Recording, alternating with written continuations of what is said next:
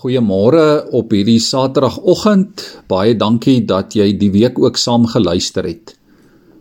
In 1 Petrus 1 vers 15 en 16 is daar 'n opdrag wat vir ons as gewone mense van vlees en bloed onmoontlik is om uit te voer. Die opdrag is soos hy wat julle geroep het heilig is, moet julle in julle hele lewenswandel heilig wees. Daar staan geskrywe: Wees heilig, want ek is heilig. Liewe vriende, wie van ons is in staat om heilig te wees soos wat God heilig is? Jesaja 6 vers 3 sê die engele staan voor die troon van God en hulle roep: Heilig, heilig, heilig is die Here, die Almagtige. Wie van ons kan dan in die heiligheid van die Here deel? Wie kan heilig wees soos hy? En tog staan dit in die woord. Daar is net een manier en dit is deur Jesus Christus. As jy en ek in Jesus glo, as ons ons lewens in sy hande oorgee en sy voorbeeld volg, dan maak hy dit deur sy gees vir ons moontlik. Moontlik om te groei in heiligheid voor God. Die Duitse sendeling Ludwig von Zinzendorf het een keer voor 'n groot skildery gestaan wat hom diep beïndruk het. Dit was 'n skildery van die gekruisigde Jesus met 'n doringkroon op sy kop en met deurboorde hande en voete. Bokant die besondere skildery was 'n opskrif met die woorde: Dit het ek vir jou gedoen. Wat doen jy vir my? En hierdie vraag het von Zinzendorf se hele lewe verander. Sy lewenslese het van daardie dag af geword. Ek het net een hartstog en dit is Jesus en Jesus alleen.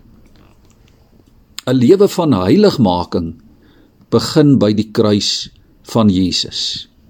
Dit begin by die gekruisigde Here.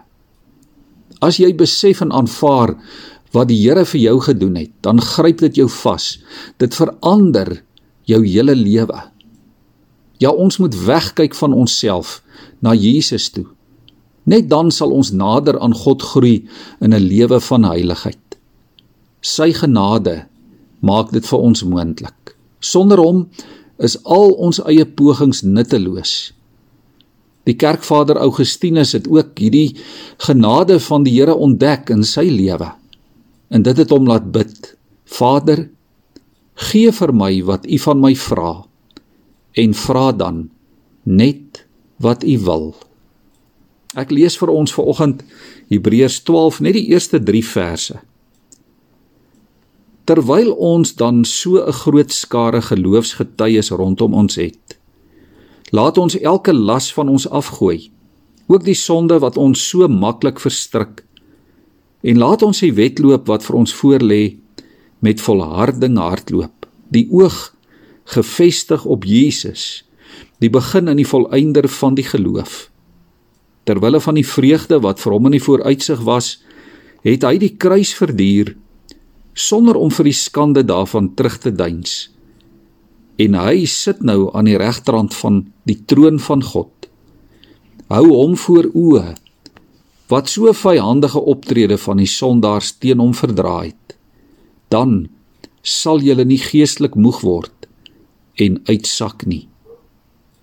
Ons buig ver oggend ons hoofde saam voor die Here. Here, ons kom kyk vanmôre op na U toe.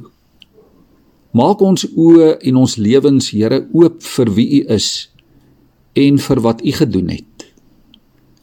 Kom maak ons wat U wil hê ons moet wees, Here. Vorm ons deur U Gees om meer soos U te word.